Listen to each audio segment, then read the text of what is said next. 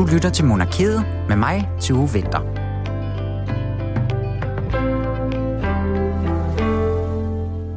Det er en kæmpe fornøjelse at kunne byde velkommen til den her særudgave af Monarkiet i anledning af dronningens 50 års regeringsjubilæum. Men der har jo som bekendt, ja igen fristes man måske til at sige, lagt sig lidt en tung skygge over festlighederne med den engelske dronning Elisabeths død. Det har påvirket fejringen, og det er efter dronningens eget ønske, at man har rettet programmet til, så der både bliver plads til fejring af hende selv, men altså også til at mindes den engelske dronning her. Men den næste times tid, der kommer det ikke til at handle så meget om Elisabeth, for øh, det skal altså handle om vores egen dronning i dag, og så vender vi helt sikkert tilbage til hende i næste uge. Men det, som vi gør i dag, det er altså, at vi har været en tur i arkivet, og så har vi fundet en lille håndfuld klip frem til jer, altså alt sammen om vores egen dronning, og så vil vi krydre det med lidt quiz, og ellers så skal vi altså bare rigtig hygge os, og vi skal varme lidt op til det, der måske nok bliver en anelse anderledes weekend end den, vi havde regnet med, men ikke desto mindre, så får vi jo altså trods alt en fejring. Og det er den, som vi fokuserer på her den næste lille times tid på Radio 4. Velkommen til. Tillykke til vores allesammens dronning Margrethe. Ja, og jeg skal jo ikke sidde her alene og varme op til fest, så jeg har dig med, Julie Lindhardt Højmark. Det har du nemlig. Hej, Tu. Hej, så dejligt, at du øh, vil være med til at lige ja, varme lidt op til, hvad der, øh, hvad, hvad der skulle have været en kæmpe folkefest, men som jo så nu Ja. øh, bliver afviklet i et lidt anderledes lys, som man kan sige. Ja, det må man sige. Fejring får vi heldigvis stadigvæk, men øh, folkefest bliver der så ikke så meget af, og det må man måske sige, øh, det er svært at sige, hvad der er det rigtige at gøre i de her øh, omstændigheder, når en monark i et andet land, øh, måske relativt pludselig, men i hvert fald så tæt på, dør, så øh, er man nok nødt til at vise den form for respekt og skrue lidt ned for det mest festlige. Ja, så måske vi faktisk lige skal prøve at kigge lidt på, hvad det så er, vi får i dag. Øh, altså Ja. det er sådan, øh, det, det nye program, om man vil. Præcis. Ja, Det er jo... øh, Ja, hvis, jeg kan jo lige lægge for her. Altså, øh, det første, der skulle have været sket lørdag, det er, at der skulle have været vagtparade inde på Amalienborg Slotsplads for dronningen og den kongelige familie, så ville vise sig på balkongen. Den del er aflyst. Dronningen skal stadig videre øh, til en frokost på Københavns Rådhus, men altså også uden, at der så bliver den her karetkørsel, som skulle have været der, og som var den, vi også talte om tidligere på ugen med den tidligere stalmester Michael Mens. mm, Øhm, til gengæld, Tu, så får vi jo stadigvæk en galaforestilling i aften på det Kongelige Teater. Godt nok på en, en anden måde. Det hedder nu i det officielle program, at den vil blive afviklet i en justeret form. Så det må vi jo se, hvad det bliver for en slags forestilling. Ja, og man kan også lige sige, at der skulle være også noget underholdning og så videre på Københavns Rådhus, og det er så blevet udskudt til et senere ja. Tidspunkt, så det får vi altså også øh, en, anden, en anden dag. Det, det bliver meldt ud på senere, skriver øh, de i den her pressemeddelelse. Øhm, ja, og så er der jo også en dag i morgen, den øh, søndagen her, hvor der skulle, øh, eller hvor der kommer til stadigvæk at være gudstjeneste i vor Frue Kirke, men også i en tilpasset form, som det hedder så. Og så er der, øh, og så er det egentlig sådan rimelig meget, som det var planlagt som sådan, ikke? At der er Jo. frokost på, øh, på øh, kongeskibet Dannebro for, de kong, for den kongelige familie og statsoverhovederne osv. Og så bliver det her store galatafel på Christiansborg Slot i morgen aften. Det bliver så også afviklet, men også i en tilpasset form. Ja. Ja. Og det er jo her, vi skulle have haft altså det helt store øh, show med en masse kunstnere og lignende, der skulle have optrådt. Og der må vi sige, det ved vi simpelthen ikke endnu, hvordan det helt præcis kommer til at tage sig ud. Jeg kan ikke forestille andet end, at man både i går og nok også stadigvæk lidt sidder øh, inde i hoffet og arbejder øh, på fuld tryk for at få alle ender til at mødes, mm. når sådan noget her pludselig sker. Ja, og man kan også sige, at de sidste uge, i, øh, altså i, hvad hedder sådan noget, vores normale sendetidspunkt, onsdag klokken 13.05, der snakkede vi så også med øh, ham her, Nikolaj Hyppe, der er balletmester inde på det kongelige, og de har jo altså lagt op til et helt stort festligt gala-forestilling derinde, ikke? Jo, Øhm, så ja, vi får se.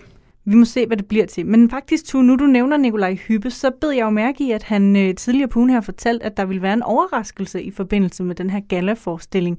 Og det er jo ikke til at sige, om det også er noget af det, der er aflyst, men ikke desto mindre kunne jeg jo i hvert fald i de efterfølgende dage ikke lade være med at gå lidt og tænke over, hvad den overraskelse kunne være. Og så slog det mig, og igen, det var jo før vi vidste noget om, øh, om dronning Elisabeths død, og hvor vi stadigvæk troede, det var den kæmpe store folkefest, vi skulle have. Men der tænkte jeg altså, at måske kunne det simpelthen være, at det var Ulf Pilgaard, der ville dukke op øh, på scenen midt i det hele som dronningen, og på den måde lave en hyldest til hende, fordi han jo i så mange år har været kendt for at paudiere dronningen i Cirkusrevyen. Ja, men det kunne være helt perfekt, hvis det er ham, der kommer. Og det får vi jo altså så at se i, uh, i aften, om han, uh, om, om han dukker op alligevel.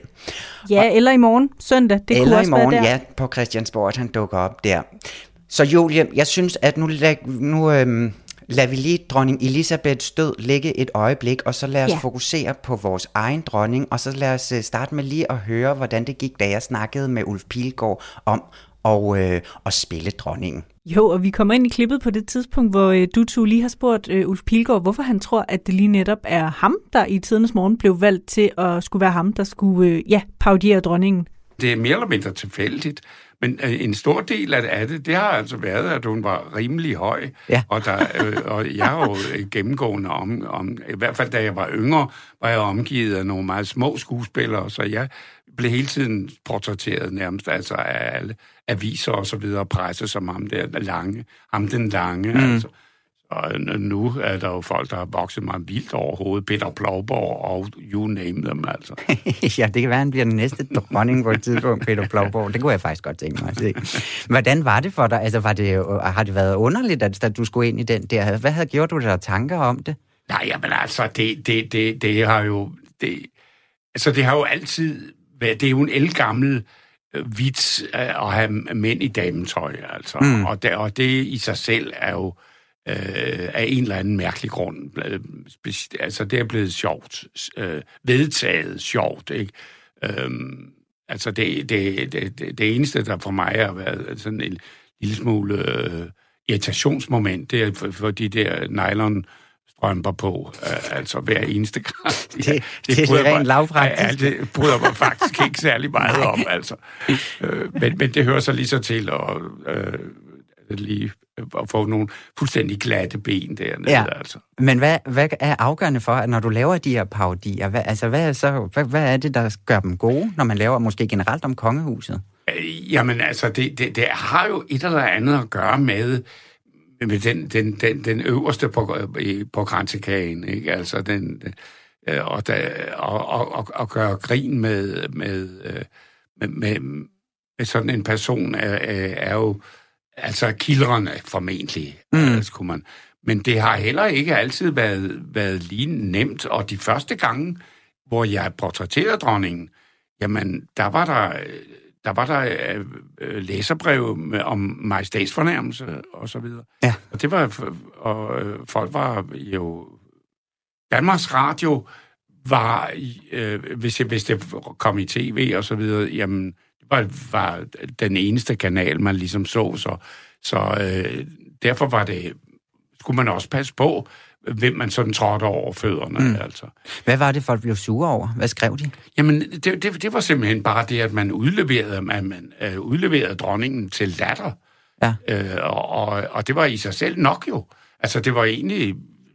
Det, det, det kunne sådan set være ligegyldigt, hvad hvad det var, man, man drillede dronningen med, men, men bare det, at, at hun blev udsat for latter, det var jo, det var majestætsfornærmelse mm. i sig selv, ikke? Og, og altså, det er jo samtidig også et udtryk for, hvor langt vi i virkeligheden er kommet.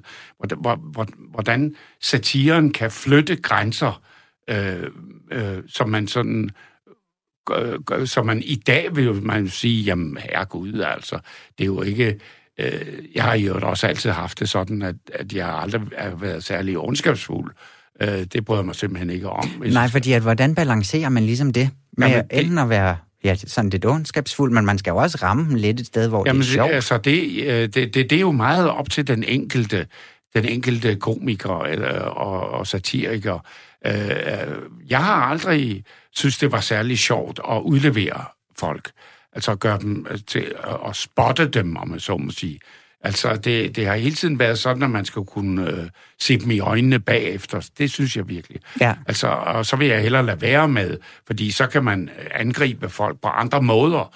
Men hvis man decideret portrætterer dem, så synes jeg også, der skal være en vis kærlighed i det. Altså. Jeg synes lige, vi skal prøve at høre et øh, klip, hvor at du spiller dronningen i, øh, i Cirkusrevyen, hvor at det er det år, hvor at hun er kommet til at øh, rode lidt rundt i sin talekort i 2016. Skal vi ikke lige prøve at høre det en gang? Men Henri har bestemt ikke været den eneste udlænding, der har overskrevet alle grænser i året, der er gået. Det er vigtigt, at vi i Danmark modtager disse flygtninge med en flaske terpentin og to tuber indigo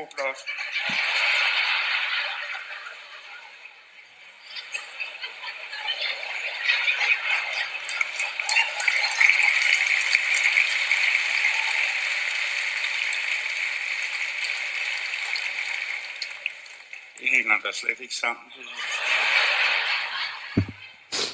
Jeg synes jo, det her er sådan en fin lille, en, en, en lille bid, også fordi at det jo, jeg tror, da man så den nytårstale, da dronningen hun sad der, hun blev noget febrilsk, og man kunne se, det var ikke rart for hende, det her øjeblik. Men her, der bliver det jo meget mildt, kan man sige. Hvad, hvad gjorde du der tanker over, altså når man skriver de her sketches over ting, som måske godt kan være sådan lidt øh, for den der, der har gjort det? Jo, altså, jeg, jeg så selv den nytårstale, øh, øh, og, og jeg, jeg tænkte med det samme, jamen, den er jo, den, den er jo skrevet til... Øh, den har skrevet sig selv. Ja, ja til, til at gøre grin med, ja. øh, altså... Øh, så det var også helt oplagt, at den forfatter, der har lavet de fleste af de der, Karl Erik Sørensen, øh, øh, ude i Sjævsbyen, han, han, øh, han, han, vi, vi snakkede øjeblik ret hurtigt sammen efter nytåret, det, det nytår der, og vi var enige om, at det var jo en gave til os. Altså. øh, men, men, men selvfølgelig, det, det er jo også kærligt, altså, og det er jo, det er jo rigtig urkomisk, altså, øh, det, det der fejltagelser, altså, øh, at hun har blandet nogle huskesedler sammen med øh, nytårstalen, ikke, altså, øh, fordi, og, og, og det, det, det er jo, altså, Ja, det, det, det, det er oplagt. Men er det nemmere så at lave øh, jokes over, når det er sådan nogle situationer, altså hvor der sker noget galt, frem for hvis det går sådan øh, ind på personen? Nej, altså, det, ja, altså det, det går faktisk meget på personen også, de forskellige. Jeg har, altså, øh, der var en overgang, hvor, hvor vores majestæt øh, havde det med at falde ned ad trapper og sådan noget. Ja. Altså, øh, og, øh, altså, hun har jo nogle stænger næsten som mig, så det kender jeg udmærket godt, det der med, at man skal passe på med ikke at falde over stolen og så videre. Altså, øh, men, og, det, og det resulterede altså i en, øh, en udgave af dronningen, hvor hun skvattede hele tiden. Hun skvattede, og, og altså, det, det, det var, altså, at gøre det aften efter aften, jeg slog mig af helvede til. Og jeg, Hvordan tror du så, dronningen havde ja, ja, ja, lige præcis. Altså, og, og, og jeg, havde, jeg insisterede til sidst på at få knæbeskyttere på, og så videre, ind under kjolen, øh, og, øh, for, for, fordi det, det, det, var altså, det var ret, det var ret anstrengende, det var det altså. Ja, og tu, det vi hørte her, det var jo altså et, øh, et lille klip fra det program, der blev sendt tilbage den 2. december 2020, så altså for et, øh, en lille bitte menneskealder siden, øh, hvor du taler med, med Ulf Pilgaard om, hvordan det ligesom har været at paudiere dronningen igennem så lang tid, og, øh, og alt, hvad han ligesom har fundet på i den rolle i tidens løb. Og ja, gå ind og find hele programmet. Det kan man både finde i Radio 4's app og alle mulige andre steder. Det er det program, der hedder Dronningen af Kongelig Komik. Ja, det kan altså anbefales. Han har en masse gode anekdoter, vi jo så ikke fik øh, plads til lige her og nu. Men det er jo sådan set heller ikke som sådan Ulf, det, det skal handle om, kan man sige. Trods alt. Trods alt, selvom han kunne da også godt få sådan en folkefejring en dag. Øhm, men Julie, jeg har jo øh, vanen tro, det vil ligne os dårligt andet på en eller anden måde, hvis der ikke var en eller anden form for quiz involveret i alle vores programmer her, ikke? Så det skal du selvfølgelig ikke snydes for i dag heller. Ej, hvor, jamen det er i sandhed en festdag. Det er en festdag, og der er quiz, og der er simpelthen underholdning, så det står ud af begge ører. Og vi starter faktisk lige i forbindelse med Ulf Pilgaard selvfølgelig og, og, øh, og det her. Fordi at, som jeg jo lige sagde, så i 2021, der så vi ham for sidste gang i Cirkusrevyen, og det er det, som første spørgsmål handler om. Nu kan det jo godt være, at han vender tilbage, men det var altså sidste gang, han også ligesom spillede dronning, har han været ude og sige. Men på denne her sidste sæson her, der var der en aften, hvor han blev overrasket af dronningen på scenen, og udover at lykønske ham, så havde hun også en gave med til ham. Jeg tror godt, vi alle sammen kan huske de her billeder, ikke? De, blev meget, de gik meget viralt meget hurtigt. Ja, det lignede, han blev oprigtigt overrasket, vil jeg sige. Det tror jeg også bestemt, at han gjorde, fordi at han anede ikke noget om det, har han altså senere øh, udtalt, øhm, og han så meget oprigtig ud, vil jeg også sige. Men det, der er spørgsmålet, Julie, det var, at øh, dronningen gav Ulf en gave, og hvad var det så, at hun havde med til ham? Kan du huske det? Oh, ikke, ikke helt præcis. Jeg skal have nogle valgmuligheder. Var det et cigaret i? Var det en lighter? Eller var det et askebager? Oh, se, ja, jeg kunne jo netop huske, det var noget cigaret-orienteret. og der giver du jo mig jo ikke meget hjælp med de tre valgmuligheder. Øhm, var det ikke en lighter med hendes sådan, øhm, hvad hedder sådan noget, monogram på? Julie, det var et askebager. Det er helt rigtigt var det med monogrammet. Oh, der ja. var et lille monogram på det lille sølvaskebæger, som, øh, som Ulf Pilgaard han altså fik overragt i forbindelse med, øh, med hans sidste optræden der. Ja. Det troede jeg...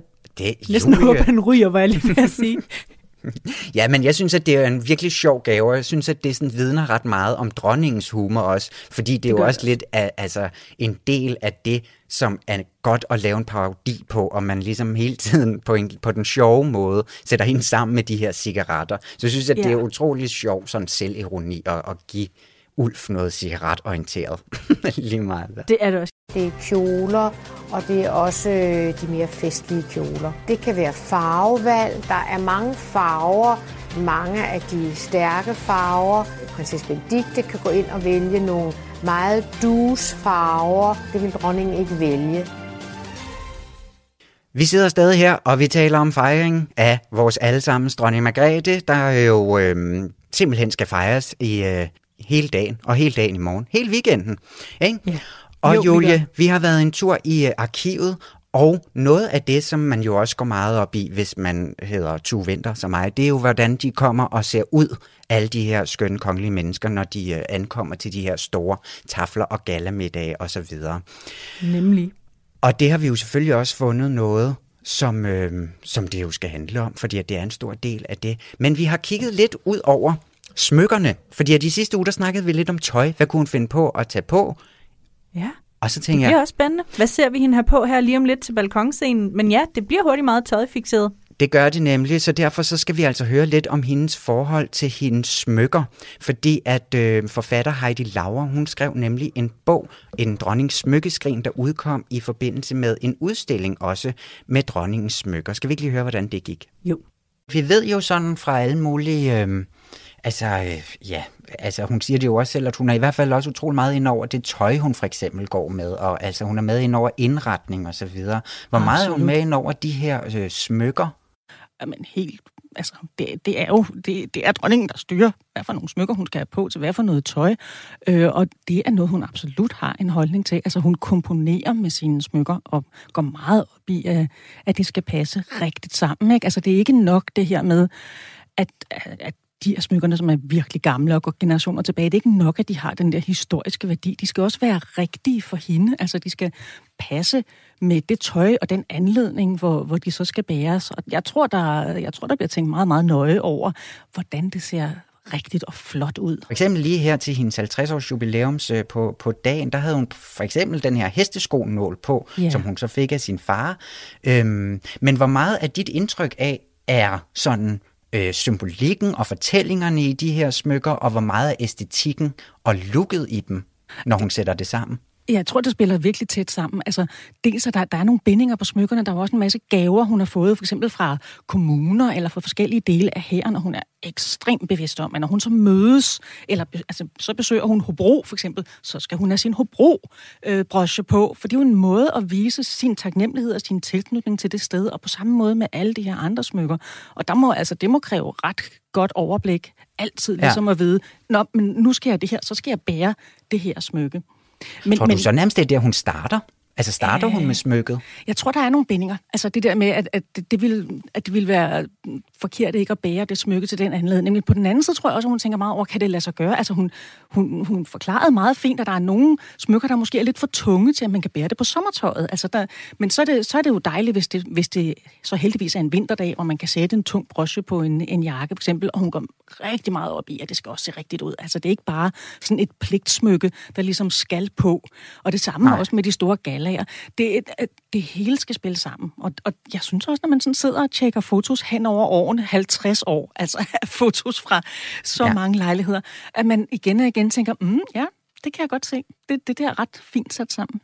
Jamen, fordi at hvis nu du så også skal sige, når du har både har snakket med hende og set dem, og hun du har set hende sådan navigere rundt med dem, kan man sige. Kan ja. man sige noget overordnet om, om hendes smykkestil, hvis vi lige prøver sådan at betegne den? Altså, for mig er det blevet helt ekstremt tydeligt, hvor moderne hun er. Altså, hun, hun bliver dronning i, i, øh, i 72. Og det er jo en, altså, det er en tid, hvor det virkelig er rykket fremad og fremad med, med den moderne livsstil, og det skal være funktionelt, det skal være øh, elegant, det skal være minimalistisk så vidt muligt, og det er faktisk den stil, hun, hun har øh, fundet ud af at udvikle, altså selvom hun som kan trække på utrolig gamle smykker også, så vælger hun meget ofte de smykker, der ligesom har sådan et, et netop mere sådan minimalistisk, grafisk udtryk. Mm. Og så hun, så hun fremstår som denne her moderne og ret tilgængelige dronning, som hun faktisk er. Ja. Ja, fordi at hvis nu, at der er også et eller andet med, at de her gamle, altså for eksempel hende, øh, kronjuvelerne, altså, mm. altså der er jo ikke meget sådan minimalisme og øh, less is more over dem, vel? Altså, hvordan balancerer hun så det her de her looks? Altså, det er klart, kronjuvelerne er, de er rigtig gamle jo. Altså, der, der kommer vi over i noget væsentligt mere krummeluret. Og de faktisk, det, det er ikke den her udstilling.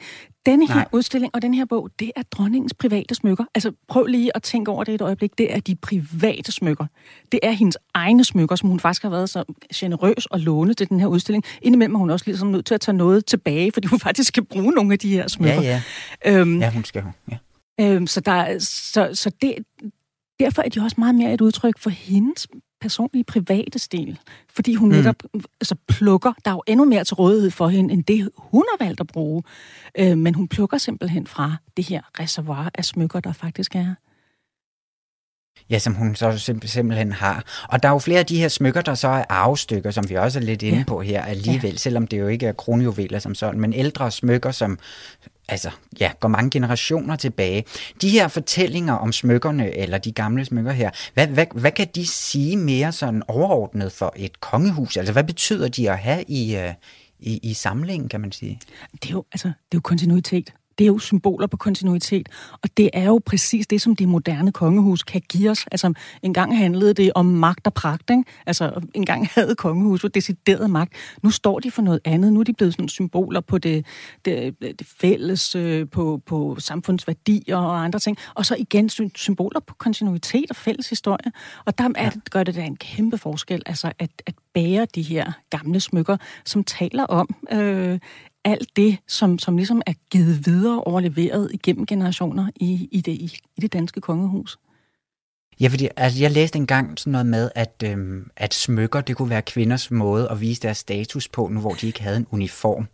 Altså sådan som, ja, som det mandlige øh, øh, stykke, i hvert fald i en kongelig familie ofte har. Ikke? Kan det sammenlignes på den måde? Det er i hvert fald super interessant, at, at netop fordi altså Margrethe er jo dronning, hun er netop ikke konge. Hvis hun havde været konge, så havde hun netop haft uniformer til de fleste lejligheder. Der er en meget mere fast form for, hvordan magtens mænd skal se ud, når de træder frem i forskellige anledninger. Hun har skulle genopfinde det hele. Hun har faktisk skulle skabe sig en form for uniform som dronning, en måde at se ud på som moderne dronning. Og det er egentlig en ret, altså, ret imponerende opgave. Og der synes jeg bestemt, at, at smykkerne øh, spiller en spændende rolle, fordi det er jo også en del af hendes feminine udtryk. Altså, mm. altså hun er, som dronning skal hun jo udstråle en eller anden form for feminin, jeg ved ikke hvad, myndighed og værdighed og, og øh, sådan klogskab øh, som nationens mor. Øh, som, som er en helt anden opgave, end, end hvis hun som konge ligesom bare trådte ind i en rolle, som faktisk er ret veldefineret igennem mange, mange generationer. Ja, Ja, fordi hvis vi så prøver også lige at holde fast i de gamle smykker her engang, ikke? Ja. Og lad os prøve at tage fat i nogle eksempler også, fordi at hvad er det så? Altså, var der nogle af de her smykker, hvor at der måske var historier til dem, som overraskede dig, eller noget, som du kunne mærke, at her var dronningen virkelig op at køre over nogle af de her lidt ældre ting? Altså, jeg er ret vild med det sæt, man kalder perlepois-sættet. Det er et, et sæt, hvor nogle af delene går helt tilbage til starten af 1800-tallet, så der er virkelig lang historie og forskellige generationer på. Øhm, det er et sæt, som man virkelig ofte ser øh, dronningen bære.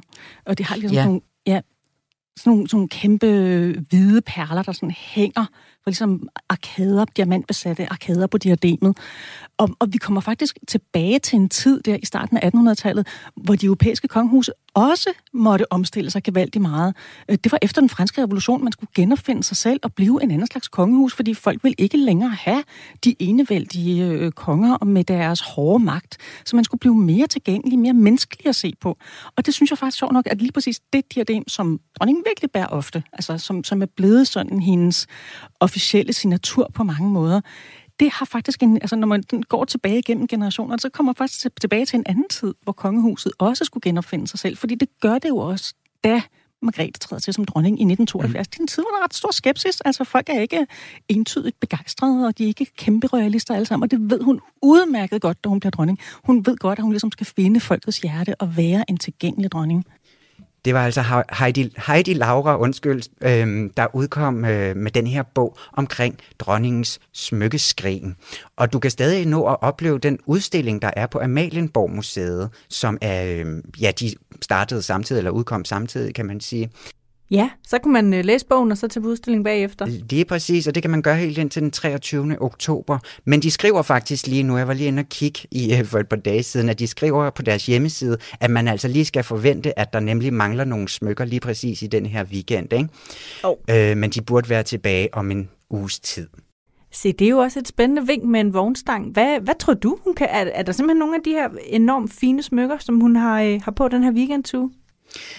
Altså nu snakkede Heidi Laura selv om det her perle, øh, hvad hedder perlepois-sæt, ikke? Perlepois-sættet, ja. Perlepois-sættet, som hun jo ynder at bruge utrolig meget og tit har på, ikke? Øhm, Jo, jeg som ved er ikke, om de vi skal lave sådan altså en lynbeskrivelse af det. Så det er det her sølvgrå sæt med rigtig mange perler og sådan store smykker. Ja, Ja, kæmpe perler også, ikke? Altså store, kæmpe store perler, ja. ja det er virkelig Det- flot. Det er meget, meget flot. Men tror du ikke altså også, at hun render en tur ned i Rosenborgs kælder og finder nogle øh, kronjuveler frem? Det, øh, det tror jeg altså også, vi må regne med. Tror du det? tror jeg helt De bliver ikke så tit brugt jo, de kronjuveler. Hvis nogensinde. Jeg ved, der er et eller andet med det. Jo, altså de bliver jo brugt øhm, til store festlige lejligheder i Okay. Øhm, i kongehuset. Altså så til hver øh, nytårstafel er de for eksempel fremme. Øhm, Ah. Der tager hun et sæt på. Og lad os så lige tage et spørgsmål om kronjuvelerne. Er du klar på det? Ja. Ja, Næste fordi spørgsmål i quizzen. næste spørgsmål i quizzen, det kommer nemlig lige her. Fordi at de handler om kronjuvelerne, og som Heidi Lauer hun også fortæller, så er det jo altså ikke en del af dronningens private samling, men de står til rådighed for den dronning, der nu engang sidder på tronen, så lige nu er det altså dronning Margrethe, men de tilhører altså ligesom titlen, så at sige. Mm. Så en dag, så bliver de Marys. Det gør de nemlig. Så kan hun bruge dem som nok ikke som det passer ind, men så kan hun i hvert fald gøre brug af dem i, Ja. i rette tid. Ikke? Men der er en regel omkring brugen af de her smykkesæt, og hvad er det? Der er nok mange regler, men omkring hvordan man skal bære dem i hvert fald. Åh oh, ja. Ja. Er det A, at du ikke må mixe de her par? Eller er det B, bruger man dem kun inden for landets grænser? Eller må de ikke bæres på bar hud? Mm, det kunne godt være den med landets grænser, men jeg tror faktisk, der må være en regel om, at man ikke mixer dem. Man begynder ikke pludselig at blande et sæt, øh, hvad hedder sådan noget, en, en halskæde fra et sæt sammen med ringe og, hvad ved jeg, diademer fra et andet. Det må være mit bedste bud. Altså, jeg tror heller aldrig, måske det er sket. Det skal jeg ikke Nå. Kunne udtale mig om. Men, Men den, sådan, den rigtige store regel, det var din første indskydelse med, at det her, de bliver altså kun brugt i Danmark. Okay. Så- Jeg ved, om det er sådan lidt af en sikkerhedsting, at man ikke må fragte dem uden for Danmarks grænser. Ja, det tror jeg, og så tror jeg, altså det kan også være, ja det tror jeg nemlig bestemt det er, men jeg tror måske også, at det har noget at gøre med sådan, øh, at, at der ligger en masse symbolik i det, ikke? At det er, altså, det er altså her, de hører til. Det synes jeg er meget fint. De kommer også frem til sådan fine statsbesøg, men hun har dem altså ikke med på statsbesøg. Nej. Ja, tænk engang, Julie. Ja.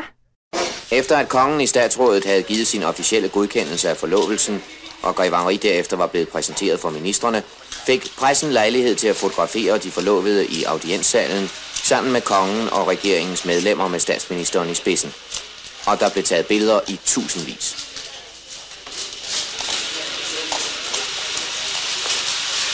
Nu må det være nok. Det er et stort program, der venter. Og du lytter stadigvæk til Monarkiet her på Radio 4 i den her special ju- jubilæumsudgave med øh, dig, Julie Lindhardt Højmark, og mig, Tue Vinter. Vi har fået den her ære og varme op til weekendens program. Og nu skal vi til noget andet. Det skal vi nemlig, fordi øh, jeg må indrømme, at øh, jeg hører til dem, der synes, at det er en utrolig spændende kvinde, vi fejrer i dag. Øhm, og også selvom det jo, altså, som vi har sagt også i starten af programmet, det bliver en noget anden fejring, end den det skulle have været, så synes jeg stadigvæk, at det er helt vildt dejligt, at der trods alt finder en fejring sted af dronning Margrethe. Men for nylig kom jeg til at tænke på det her med, altså i forbindelse med, med, at det jo ligesom er i år, vi fejrer, at det er 50 år siden dronningen blev regent. Det gjorde hun jo faktisk i en alder af 32 år. Jeg er selv 30 år, så jeg synes, det, det er helt utroligt at tænke på en kvinde, som jeg næsten, altså, som var, var næsten jævnaldrende med mig, har taget den her kæmpe opgave på sig, og jeg tror bare nogle gange også, jeg tænker, at man må virkelig være gjort af et særligt stof for at kunne løfte den her opgave i så ung en alder, Ja, og virkelig. kan vide, hvad det er for nogle oplevelser og erfaringer, man skal have gjort sig, og som man ligesom må være formet af for at kunne gøre det her så godt, som jeg jo må indrømme, jeg synes, dronningen har gjort. Øhm, og så kom jeg til at tænke på, at jeg har jo tidligere talt med forfatteren Tom Buk-Swienty her i programmet, da han netop i forbindelse med jubilæet udkom med den bog, der hedder Undervejs, som er en erindringsbog. I, øh, I den, der har han, øh, altså, eller sådan, for at kunne skrive den, har han talt med dronningen i noget, der minder om 40 timer. Og det, de har talt om, er især de her vildt vigtige, formative år, hvor han ligesom prøver at tegne et portræt af en dronning, og det her med, hvem er den unge kvinde, der stod på balkongen den 12. januar 1972, Ja. og, og hvad der ligesom skete i årene op til det. Og, og derfor synes jeg, vi skal høre et klip fra den snak, jeg havde med, med Tom Buk-Swienty om både det her med, hvordan går man til sådan en opgave som forfatter, hvordan foregår det konkret, når man skal skrive sådan en bog her sammen med dronning, og hvad er ligesom de vigtigste spørgsmål, man skal få stillet, når man skal portrættere de her formative år i vores nulevende regentsliv. Ja, lad os endelig høre det. Det første spørgsmål, jeg stillede dronningen, var faktisk ganske enkelt, hvad er det første, dronningen husker? Ja. Og så startede vi der, og så havde jeg nogle idéer til, hvor jeg ville hen og hvad vi skulle omkring. Øh, men jeg, jeg tog meget også god tid, eller var meget omhyggelig med virkelig at lytte til, hvad dronningen siger, og tage samtalen, hvor hun drejede den hen, fordi det er jo også det er jo hendes liv. Det er jo, jeg, jeg, jeg- forvaltede jo sådan set hendes, hendes, øh, øh, hendes øh, de runer, hun, hun Mm. mm. ville riste, fordi det er jo det, hun helt klart også havde som projekt, øh, kunne jeg mærke, at hun ville, hun ville gerne give Danmark sin historie. Øh, så på den måde fulgte jeg også meget med hende og kunne mærke der, hvor der var ting, der virkelig gik dybt for hende, og der gav jeg hende al den tid, hun havde brug for til at, at udfolde, som man siger, Ja. øh, øh, en historie eller en begivenhed. Jo, for jeg tænker også, når man har været regent i snart 50 år, og i øvrigt har været øh, før det været tronfølger og været, øh, været vant til at fortælle sin historie, fordi der var en naturlig interesse for det.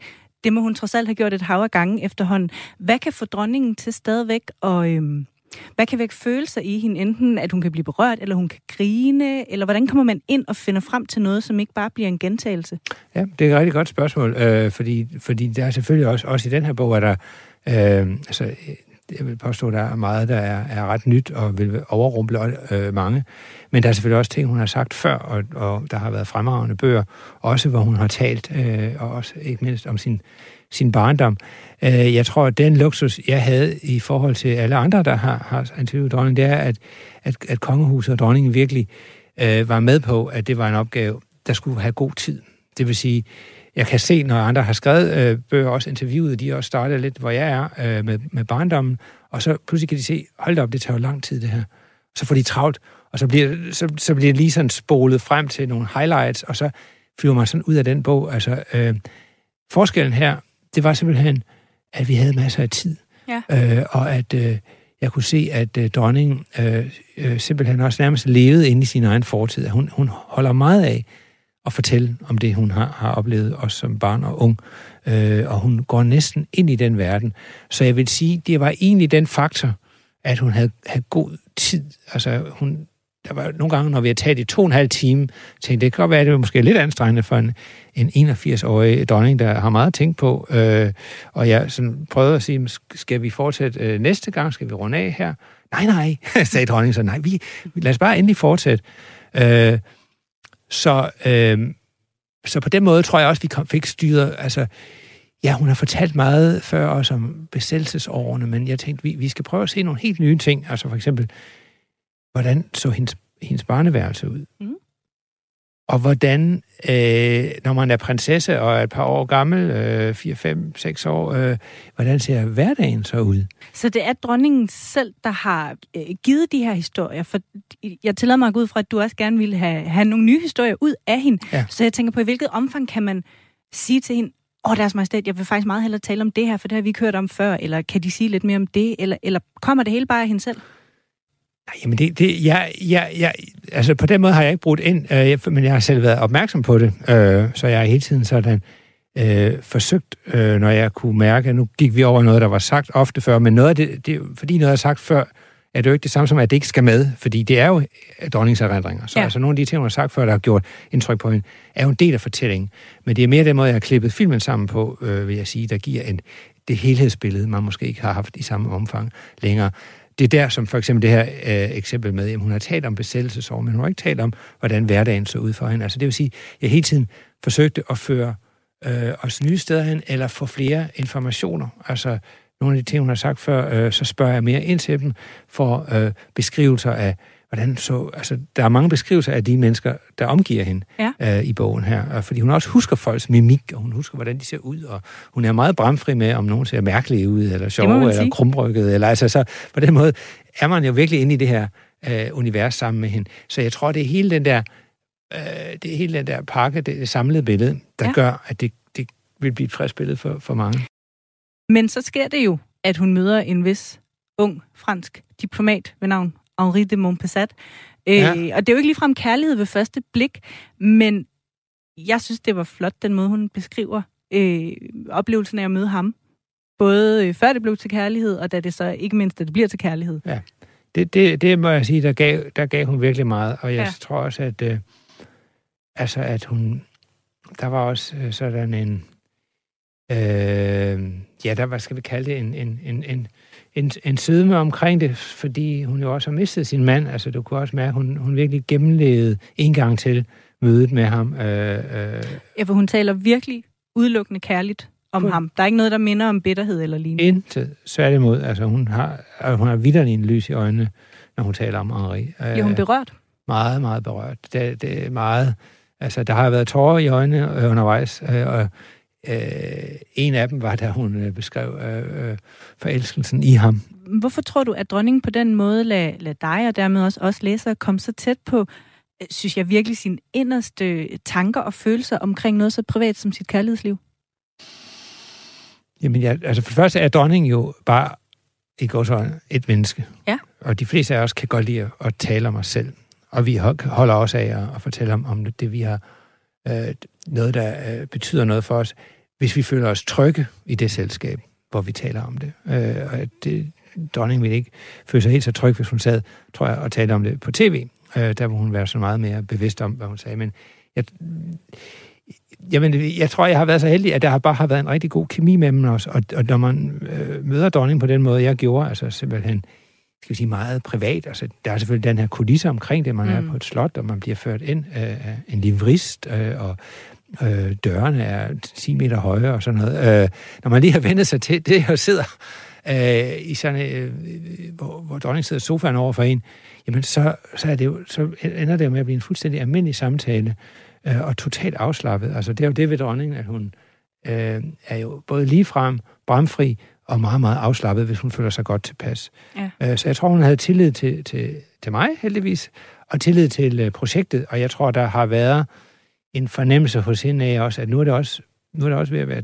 Altså nu er tiden... Nu er det nu, de skal fortælles. Det, nu, er, nu er det nu, de ting skal fortælles, ja. og skal stå som et eftermæle. Ja, og her var det altså jo så Tom Buk-Swienty, der havde øh, udgivet en bog om dronningen i forbindelse med jubilæet, og der kom jo utrolig mange forskellige bøger med alle mulige forskellige vinkler.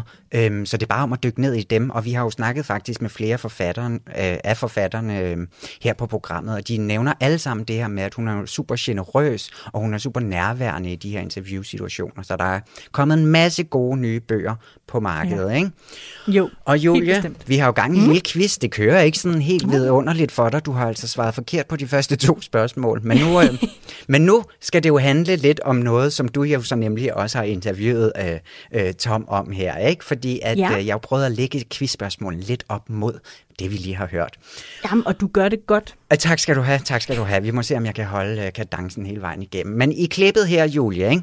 der kommer jo. I jo også ind på forholdet til prins Henrik, som jo stod ved hendes ja. side i mange, mange, mange år af de her 50, der nu er gået, og også før det. De mødtes til et middagsselskab i London i 1965, og efter noget tid sådan frem og tilbage, og de møder hinanden stille og roligt rundt omkring, så falder dronningen øh, for den her franske diplomat ved et bryllup i Skotland. Og det er så det, som det skal handle om nu. For jeg synes lige, vi skulle have lidt prins Henrik med ind i dag ja. også, ikke? Jo da, helt bestemt. Ja, ham kan man øh, ikke undvære på en dag som den her. Ej. Jeg er sikker på, at han også er en del af dronningens tanker. Det tror jeg er helt bestemt. Men i bogen Enegænger af Stefanie Syryk, der sætter dronningen nogle ord på den her først, første forelskelse. Hvordan forklarer hun den? Så nu er det et af de her sådan citatspørgsmål, som jeg ved, du elsker.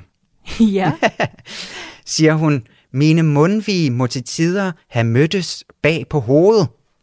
Hmm? Eller B, der gik der pludselig ild i huset for mit vedkommende. Eller C, der stod der altså blomster og truthorn ud af begge ører. Det var sådan lige den allerførste forelskelse, hun øh, sætter ord på her, ikke? ja. Og jeg kan utrolig godt lide billedet af, øh, at mundvigene til tider må have mødtes på, på bagsiden af hovedet. Hold op, hvor er det en smuk beskrivelse. Jeg synes bare ikke helt, det lyder som dronningen. Jeg tror mere på... Øh, jeg tror mere på den med blomster og truthorne, der har stået ud af begge ører. Ja, det var i hvert fald, ja, det med mundvigene, den må jeg sige mange tak for, Julie, for det har jeg Ej. fundet på. Er det dig, der er så poetisk, Tue? Ja, det var mig. Men Ej. det er altså ikke mig, der er så poetisk, som at sige, at, at det sætter ild i huset. Ej, var det det, hun sagde? Det var det, hun sagde. Men det er jo ikke godt. Det er da godt. Det sætter ild i hele huset. Det er da vidunderligt.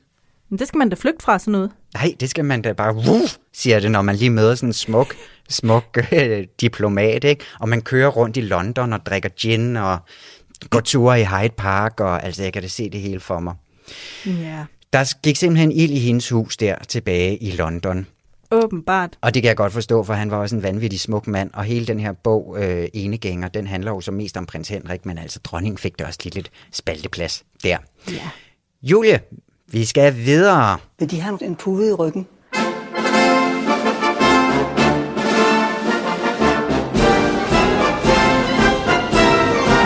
Hvis de vil, så har jeg sagtens lånt dem en pude. Og det vil jeg vældig gerne have. Øh, er hvor er mine møbler blevet? Nej. Jeg Men lad os bare er meget nødt sidde på en pude. Hvis Jamen, det er bestemt ikke Og det er til ryggen, vi er tænker. simpelthen for... Åh, tusind tak. Jeg synes, det kunne, jeg kunne se, at de følte dem lidt langt tilbage. Det er rigtigt nok, øh, men jeg troede, jeg skulle sidde på en pude. Det Nej, nej, nej, nej, nej, nej, nej.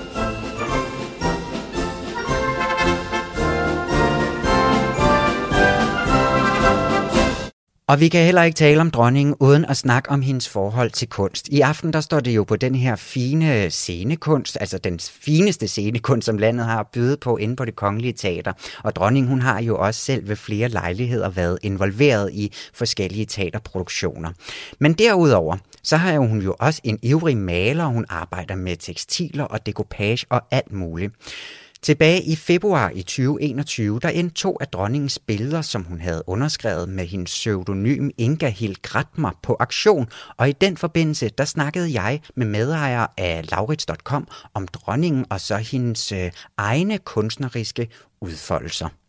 Det her Inga Hild Gratmer, som jo så er, er, er hendes pseudonym i denne her øh, sammenhæng, det er så en sammentrækning af alle hendes navne, øh, på kryds og tværs, Margrethe, Alexandrine, og så har jeg altid så svært ved det der, øh, ved det islandske. Øh, Tuhildur, Ingrid, Ja, ja, jeg det nu. er rigtigt. Det er rigtigt. Øhm, Ja. øh, og, og, altså, er det sådan for at gemme sig lidt, at man benytter sig af sådan et pseudonym? Det kan det være. Altså, jeg kender ikke, jeg kender ikke uh, dronningens uh, argumentation for at gøre det oprindeligt, men jeg tror uh, sådan set, det er klassisk nok. Altså, det er der også en del forfattere, der gør, altså inden, inden for andre genrer, at man vælger at begynde under et pseudonym, mm. og så efterhånden, som man modnes som kunstner, øh, så, så fronter man det med sit eget navn. Øh, måske også efterhånden, som der er vokset en, jamen det er den her, jeg er, det er det her udtryk, jeg har, det er den, det er den her kunst, jeg har i mig, det er den her åre. Øh, så jeg synes egentlig, det er meget naturligt. Ja. Øh, og så er det jo specielt for majestæten, altså at hun har haft en, en rolle og har en rolle som, som dronning, og har måske lige skulle finde sin vej i forhold til, hvordan kunsten skulle kommunikeres i forhold til folket. Så jeg synes egentlig, det har været en meget logisk udvikling, og vi kan i hvert fald konstatere, at det kunst, vi ser på vores auktioner, øh, og som vi har solgt, det er med, det er med dronningens egen øh, signatur. Ja. Det er som dronning Margrethe. Ja, fordi at hvor tit sker det her med, at øh, dronningens øh, værker de kommer på auktion? Altså ikke så ofte. Øh, og derfor er det jo også øh, eksklusivt, og det er unikt, når det sker. Det er unikt, fordi det er vores dronning, og, og det er unikt, fordi vi godt ved, at hun er en dygtig kunstner. Vi interesserer sig for hendes kunst. Og når vi så får lov til øh, at se det på auktion, og, og det bliver tilgængeligt for alle, øh, der kan byde med, hvis man har det budget, mm. øhm, så, så er der jo altid meget stor sådan, opmærksomhed omkring det. Men altså, vi ser ind imellem øh, værker fra dronningens hånd, som vi får lov at, at sælge. Vi har solgt af, af, af flere gange, øh, har vi fået lov til at sælge øh, oliemalerier, som, øh, som folk har har indleveret, og, og det højeste øh, salg, det, det dyreste salg, vi har gjort, var omkring 330.000 for et ikke så stort oliemaleri, og det er altså en meget, meget øh, flot pris. Ja, det er da helt vildt. Øh, Hvor placerer det hende på sådan en, altså en kunstnerskala? Er hun ikke helt oppe i Superligaen af sådan nulevende kunstnere? Jo, det er hun. Det, det, det er hun. Altså, det er jo, hvis man sådan kigger på, på, på danske kunstnere, og hvad vi får fra forskellige meget etablerede, meget anerkendte danske kunstnere, altså, så, så, er, det, så, er det, så, så er hun rigtig godt med, ja. øh, dronningen. Og jeg, øh, altså, jeg er selv meget glad for farver. Jeg er selv meget glad for det øh, naturalistiske, og... Øh, Øh, og jeg synes, at det er... Altså, jeg forstår godt prisniveauet. Jeg mm. forstår øh, både ud fra den kunstneriske betragtning, men selvfølgelig også ud fra den veneration. Vi har en dronning, og vi er meget glade for hende, og vi er meget stolte over hende. Og når man køber øh, kunst eller antikviteter eller samlerobjekter, altså, så er det jo tit, der er mange følelser Øh, og når vi taler om noget øh, unikt, så er der endnu flere følelser, så vi har alle sammen forskellige bevæggrunde til at købe det, vi gør. Og der er altså rigtig meget affektionsværdi og øh, veneration omkring øh, dronningens kunst. Så det er jo en del af prisniveauet. Ja. Men altså, kan vi man... synes, dronningen er en rigtig dygtig kunstner, og det, er, og det er vigtigt at holde fast i. Altså, hun har den her så meget mangefacetteret talent. Altså hun har en stor diversitet i sit kunstneriske virke, sådan set større, end vi ser hos mange andre kunstnere. Ja. Altså, og med det mener jeg, at hun har tegnet, siden hun var barn og, og malet. Men altså det at kunne bevæge sig inden for billedkunst, og så inden for billedkunst kunne både oliemaleri, akvareller, tegninger osv., men også kunne gå over til som for eksempel nævnt porcelæn ja. eller illustrationer. Hun har illustreret Tolkiens uh, Ringenes Herre. Øh, og så ikke mindst alle tekstilerne. Mm. Altså hun har jo lavet øh, nogle utrolig smukke øh, tekstiler og, og kostymer. Så, så med tekstilerne og kostymerne, der kommer vi ind og får lov til sådan rigtig, synes jeg, at snuse til dronningens fantasi og, og lejende tilgang og sådan lejende poesi øh, og eventyrfortælling. Ja. Og det er jo faktisk de her, nu nævnte du dem også lige selv, Tolkiens øh, Ringnes Herrebøger, som hun øh, illustrerede også. Det var jo så også under det her, øh, hendes pseudonym her, IG. Ja. Og det er jo heller ikke første gang, at hun har, eller eneste gang, hun har brugt øh, pseudonymer. Hun har også ud, øh, oversat en bog sammen med prins Henrik, under pseudonymet ja. H.M. Vejerbjerg og, og så videre. Ja. Altså, kan man øhm, på nogen måde snakke om, tror du, der er mere? Tror du, hun har, øh, har flere hemmelige øh, pseudonymer i omløb? Øh, ikke, ikke, hvad jeg ved, ikke hvad jeg ved af. I hvert det ikke være spændende? Og jeg, jo, men jeg tror, jeg tror faktisk, altså jeg, som vi ser det som, som auktionsfolk, altså der er, Øh, altså, en kunstner udvikler sig jo hele livet, og jeg tror, det er lang tid siden, at øh, dronning Margrethe har, øh, har fundet sit kunstneriske ståsted, som bliver ved med at udvikle sig. Mm. Og, og, og, og på rejsens gang, for lang tid siden, tror jeg, der, der er hun begyndt at signere, eller det er hun jo signere med øh, dronning Margrethe. Ja. Om så indimellem hun vælger et pseudonym, det, det skal man jo have lov til at gøre, hvis man synes, det giver mening. Ja, jeg kan godt lide tanken om, at der er alle mulige kunstværker derude, som hun har siddet mm. og, og skitseret ja, ja. og så videre. Nu var du selv lige inde på det her med, at hun bevæger sig jo på et meget stort øh, område. Altså hun er i alle mulige medier og genrer og så videre. Kan man sige et eller andet overordnet om, om, øh, om hendes stil? Altså man kan sige overordnet, at øh, farverne er, en væsentlig, er et væsentligt element. Mm. Altså den her særlige hånd og den her særlige sans for, hvad farver kan og hvordan de kan påvirke os. Altså hvis man kigger, nu sad jeg og kiggede på et af dronningens øh, akvareller øh, her, da jeg lige øh, trak lidt materiale ud. Altså hvis man bare kigger på, på det akvarel, så i de lyserøde farver, så er der lyserød, så er der fersken, så er der aprikos, så er det lyselilla. Og hvis man kigger på det blå, så er der himmelblå, lyseblå, turkis, midnatsblå. Altså det der med at kunne mestre farverne og, og, og lege med dem, øh, og have næsten også lidt en, en nostalgi omkring dem sådan i, i naturen. Det, det er noget helt særligt, og det går igen synes jeg, i alt det, dronningen rører ved. Mm.